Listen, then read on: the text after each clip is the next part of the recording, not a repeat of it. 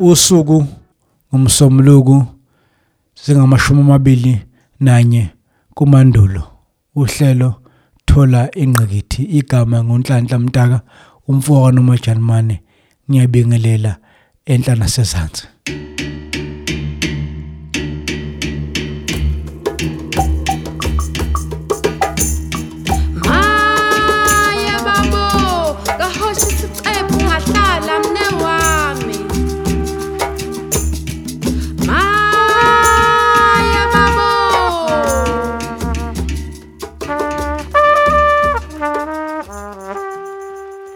Namuhla ngifisa ke sibuke isihloko esimqoka makukhulunywa ngomlando wepolitiki noma umlando wamaqembu epolitiki. Sikhuluma ngomholi weqembu noma umholi wenhlangano. Ngikubalula lokhu ngoba kungumbono wami ukuthi sekukhona okwenzakalayo lapha kupolitiki yakithi okuzohamba kuhambe kube yingozi. Lokhu kokuhlukanisa umholi neqembu. Uzwa abantu bethi asilithandi iqembu kepha siyamthanda loya mholi. Noma bethi lela qembu alikho ngcono ukwedlula umholi walo.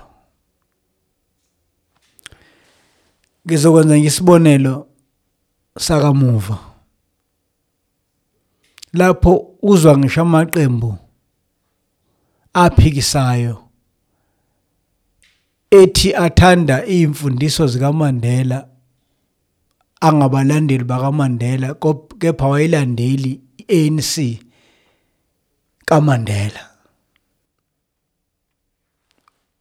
Thangi lokhu iqembu eliphikisayo iDemocratic Alliance yake yakhuluma into ethi ANC ayisafani.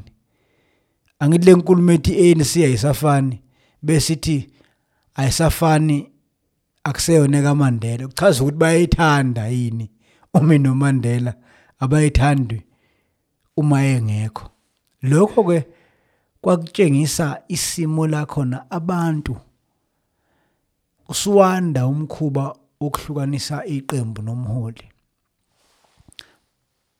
Kepha mhlawumbe siqale sizwe ukuthi yini umahluko? Ukuze sazi umahluko uma ukhona kufanele siqale sazi ukuthi uyini umholi eqenjini. Ngokwami umholi eqenjini noma yiliphi uyisithako esimqoka kodwa akalona iqembu. Ngamafuphi? Lo ngumuntu osuke esuka kulo iqembu akhiwe yilo iqembu. Wazi isikompilo leqembu waseba ngumkhiqizo weqembu. Akuvamile ukuthi umuntu uqhamuka umuntu othiwa usehola iqembu njengakazi abe yilungu lalo. Angithi uqala ube yilungu. Ube ingxenye yalo ube ingxenye yinqumo ezithathwa iqembu bese ke iqembu lithi lona thina lo mama thina lo mnumzane siyamqoka ukuthi abe inqwele yethu. Ngoba unjengathi ngoba ube ingxenye yethu. Isilingo ke sokuthi uma abaholi sebesuswe eviyweni labo okuyiqembu babekwa kwathiwa babe zingqwele. Basuke bacabanga ukuthi akekho omunye ongahola iqembu ngakho bona bahlukile kuneqembu. Ingozi ke lapho eyokuthi okokuqala kuye nje umholi lo uthi uma eseshawa izimo zepolitiki angabisakwazi ukuhlehlela eviyweni lakhe ngoba phela kuyenzeka umholi abhekane nezimo ezilikhuni ngaphandle nangaphakathi kupolitiki yeqembu. Okufuneka ke lapho bese ehlehlela eviyweni lakhe aye kumalungu eqembu kubantu abamaziyo ukuze bamvikele. Isibonelo umnumzana uZuma. Umnumzana uZuma masingakhuluma ngophawu lakhe kwaba khona isikhathi la kukhulunywa ngaye cishe insuku zaphuma kabi. Esimene sejwayelekile umuntu owenziwa njalo uyaphela shabalale kwipolitiki kepha ngoba umnumzana uZuma uphawu lweqembu iviyo lakhe ukhongolose wawunamandla lwakwazi ukumvikela. Ngicabanga nje ukuthi ukuba uZuma wayeyilungu lamaqembu angenalo uphawu olunamandla isibonelo iPAC PAC uphawu lwayo olwenhlangano elwayo. Cabanga ukuba umnumzana uZuma wayeyi-PAC ngaleso sikhathi. Mhlawumbe ake ngibheke nakuyona i-PAC ukuthi iyonakalaphi ngoba sithi inenkinga nje khona la konakala khona. Bonke abantu be-PAC ngisho bexabana baxabana bese bethi wayengcono sobuke ngamafuphi ingozi yokuthi kube khona umholo oyedwa oba inqwele yedwa oba muhle yedwa bese umlando wakhe wehluka koweqembu. Ukube kwaba nosobuko abayishumi kwaba nosobukwe abayikhulu kwaba nosobuko abayinkulungwane ngabe uphawu lwe-PAC lunamandla ngabe iqembu elake laholwa usobukwe lisanesithunzi njengoba laliholwa usobukwe kodwa wanede wahamba umholi. Kwafana iqembu ukuhlonishwa kwalo noma ukwenza izinto ngendlela yazo. Okuwumlando ke obuhlungu lowe PAC ngoba kukhona ukuvumelana ukuthi ukube iPAC ayikho kulesimo ekuso manje ngabe ngelinye lamaqembu amakhulu nahlonishwayo eningizimu Afrika. Kepha sibuyeleni ke odabeni lobuholi nabaholi. Ingozi yokuhlukanisa umholi njengoba ngiye ngasho kuye ukuthi naye uma esenenkinga angakwazi ukubuyela eviyweni lakhe. Kodwa kwesibili uzalingeke naye acabanga ukuthi abantu bamthanda nje futhi nguye yedwa onamava uyedwa ocabangayo uyedwa ongalekelela iqembu uyedwa ongenza linqobe iqembu. Ingozi ke leyo. Ngoba oqala nje ayikho leyo nto. Alikho iqembu eliphumelela ngenxa yomholi kuphela. Iqembu ziningi izithako ezenza iqembu liphumelele. Yebo isandla sakhe umholi simqoka. Yebo amalungu kanjalo nenqubomgomo kumqoka. Yebo nabavoti nje abangawona amalungu eqembu nabo bamqoka. Uma ngabuyela nje kwipolitiki iqembu elibusayo. Iqembu elibusayo ngiyafisa ukusho ukuthi iy'nkinga zalo sekuthenini zingene esilingweni sokuhlukanisa umholi neqembu. Bengenzi ngabomu kokunye bedlaliswa loyo mdlalo amaqembu aphikisayo. Ngizokwenza isibonelo. Umnomzane umbeki ungomunye womengameli beqembu elibusayo abahlonishwa kakhulu. Kufanele futhi ngenxa yamava akhe kanye nobuhlakani nje bakhe. Kepha kwahamba kwahamba kwakhona abantu ngaphakathi nangaphandle abakha umqondo ukuthi yena uhlakanipha ukwedlula kunamalungu nje ajwayelekile eqembu nabanye abaholi eqenjini. Naye ngiyakholwa ukuthi wakukholwa lokho. Ophenduka umholi oyisazi philosophy leader abe yisazi anaye akholwele ukuthi hayi mina ngiyisazi. Okushiwo yimi kuyikho okushiwo yimi kuhluziwe kunokushiwo ngabanye. Isilingo ke singena abaholi kakhulukazi eAfrika ngicabanga ukuthi nomzizi sake sathi kumngena kancane. Lokho kubona ezintweni ayibhalayo ngaleso sikhathi nezinto ayishoyo uqhamuka umina mina engazi kangcono mina engiqonda kangcono mina esengayihamba lendlela ilapho ke umholi engaqondile ngoba ngikholwa ukuthi naye umzizwa wayevuka ekuseni athi kunjalo ukulalela amazwi abantu. Bese nawe uyibona wehlukile. Omunye wangenwa yilokho kwaba umnumzane uZuma. uZuma amaqembu aphikisayo nabathize eqenjini lakhe baphumelele ukumbeka eceleni bathi kunomuntu okuthiwa uZuma bese kuba khona iANC yingakho namhlanje uzwa abantu beANC bethi kuneminyaka ethize kaZuma. Ngathi babengekho ngathi uZuma wayeyimele yena yedwa eyithathela yena inqumo eh eqenjini ayathatha inqumo kuhulumeni azenzele yena. Angithi ke sekungenele isihlava nengozi yokubeka umholi umenze abe ngaphandle noma bemkhulu noma bemncane kuneqembu. Kodwa ke okuyingozi ukumenza abe mkhulu kuneqembu. Kubo bonke abantu akekho uthi uzuma kanawo amaphutha unawo. Maningi futhi. Kodwa okumangazayo ukuthi abasuke bekhuluma kuze kusho ngisho babemeseka unganukuzwe umengameli Ramaphosa wayeyisekela elandwe uzuma ukuthi akazongena naye esikhundleni uzwe kwayena. Ethi kwakuneminyaka kaZuma engathi wayengekho yena njengesekela leqembu eh kumengameli weqembu kanjalo nesekela likamengameli wezwe. uZuma ke ube isisulu salokho. Mhlawumbe futhi naye njengombheki kwaba nenkinga yokucabanga ukuthi ngoba yena uyayazi kakhulu iANC kunabanye ungcono noma ungaphezulu ngolwazi kwamalunga ajwayelekile kwakhongolose. Naye njengombheki ube isisulu waphinde futhi naye wenza wangena esilingweni sokuthi acabanga ukuthi eh nguye nguye isibonelo nje. Njalo uma sezimkakile umzwe uthi ngisazokhuluma.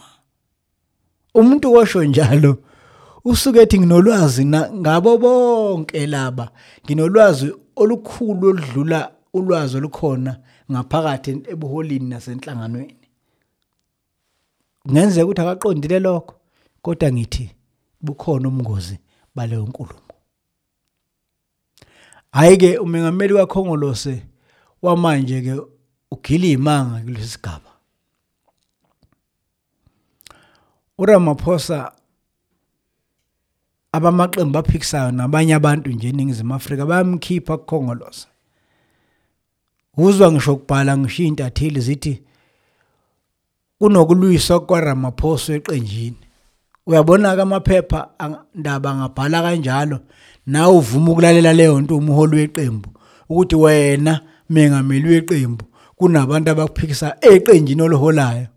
Usuke usungena esilingweni noma basuke usungena kunoxhaka ukuthi abantu bakwenze uzibuke uzicabange ngale kweqembu. Bayahluleka abantu abenza kanjalo kupolitiki ngoba iqembu liyiviyo lakho. Uzalwa ukhuliswe uqiniswe uqokwe yiqembu. Ingozi ukuvuma ukuthi utuswe ngaphandle kweqembu ngoba phela uma umholi wabo funeke uphefumule ububona ngamafuphi uma ngempela umkholi weqembu alikwazi ukuphefumula okunye wena uphefumula okunye kusho ukuthi inkinga iqala lapho ukuthi wena ukhuluma uphefumule ucabange okungacatshangwa yiqembu. Ukuthathaphi wena? Ngoba wena umholi weqembu. Yiko ngithi ke umengameli Ramaphosa kunesilingo abafisa ukumfaka kusona imbangi zakhe kanye nalabo abafisa ukusebenzisa yena ngeinhloso zabo zokuthi ungcono wena mfoko Ramaphosa wena yini ungaphumi ingciba ngoba laba abanye baholayo kabekho kahle. Inkinga le umzali ukuthiwa akashiya ingane zakhe ngoba yena ungcono kunazo kayifundisa ingane ubungcono uma engcono naye umzali loyo? Ngizama ukuthi ke ingozi leyo. Enye ingozi esingayibuka eqenjini inkatha. Umengameli wenkatha uhlala isikhathi eside nombumbu wayo umntwana kwaphinda angene muhle mubi uma sibuka ipolitiki. Muhle ngoba ungomunye wabaholi abancane emhlabeni abangenachashaza. Okwenza uma uyiqembu lingeke ukuthi uloku ugadle ngaye ngoba akanachashaza. Uyabona nje makubekwa abaholi bamanye amaqembu yezwa kuthiwa awu wakwathinteka lapha noma uyanukeka lapha umntwana sikezwa ukuthi khona lapha enukeka khona ekudleni imali noma ekuhlanganeni nabantu bazodla imali. Kepha bukhona ubungozi. Ekuthenini abe msulwa yedwa abe muhle yedwa kodwa abantu beqembu lakhe bangamlingisi. Ngamafuphi? Sizoba nomholi ongumntwana okunguyena yedwa ophawu lakhe lunamandla ukudlula iqembu lakhe. Ingozi leyo ngoba njengoba sekwenzekile nje kaseyena umengameli sekufuneka manje uyibuza ukuthi konje singaba yini nabaholi abanye ngumntwana abayishumi? Abayikhulu abayizinkulungwane ukuze uphawu lokungakhohlakali kungabe lo mntwana kodwa kube leqembu. Ngamafuphi ubungozi bokuthi umntwana abe ngumntwana yedwa abe muhle yedwa njengoba emuhle nje bese abamlandelayo bengabi njalo izobashaya kungekudala leyo nto abeqembu lakhe. Okufuneke bayilungise kusanesikhathi bakhona nabanye abaholi abenza leyo nkinga isibonelo nje. Unkosikazi uzanele okamagwaza msibi uyiqembu.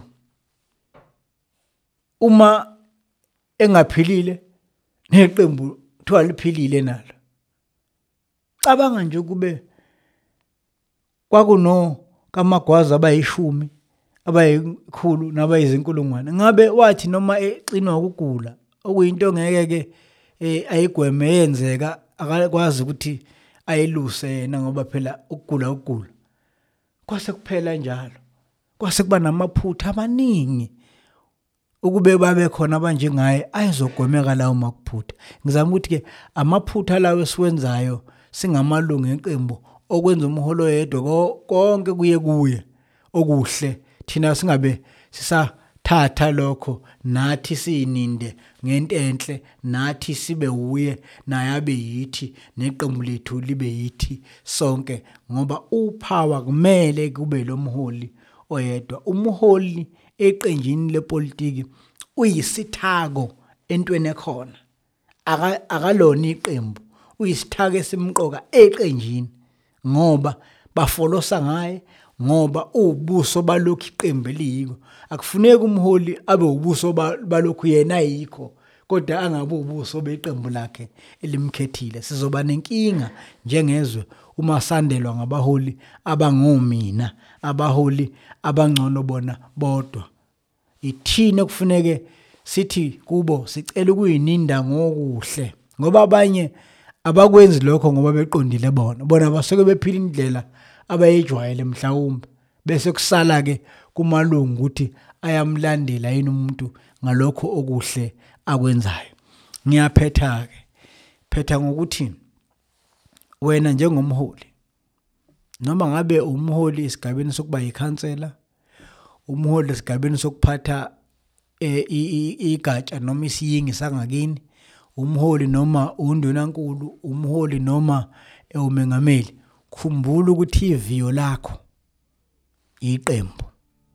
Awukwazi ukutuswa ngale kweqembu. Uma usutuswa ngale kweqembu kusuka sekukhona sokonakele ngawe neqembu lakho. Lungisa. Uba umholi nje ngoba ufune kulandelwe wena ngezinto ezinhle ozenzayo. Uma ungasazenzi noma usuzenza wedwa iqembu lingasakwenzi kukhona la kuzoshayisana khona. Siqinisekiseni-ke ukuthi abaholi bethu kulokho okuhle abakwenzayo bayalandeleka nabo futhi bayabakhona ukuthi bafundise abantu ngokuhle abakwenzayo hhayi ukuthi umuntu azakhe yena ngoba efuna ukugila imkhuba andise inkulumo ethi uma engasekho yena iqembu lingawa bhu liwa kanjani iqembu bhu? Wena ukhona ngoba funa ngabe wena musunika ithuba lokuthi uluphathe bese ulenze libe neyinhlaka ezikahle zokusebenza. Maye babo. Yebo uyanamagundwa nebo. iya nabesilo siyaligoqa elanamuhla ugubla obelimqoka njengazo zonke ezinye. Sithembisa ukuthi kusasa lokusayo siyobuya futhi nezinye izihloko onhloso yazo kukufundisa abohlanga nepolitiki kanye nepolitiki ezomnotho kanjalo nesimo mazwe sithokoza kakhulu kubahlobo bethu inanda FM nonongoma FM okuyibo esibambisene ukuthi sabalise lolu lwazi. Siyathokoza.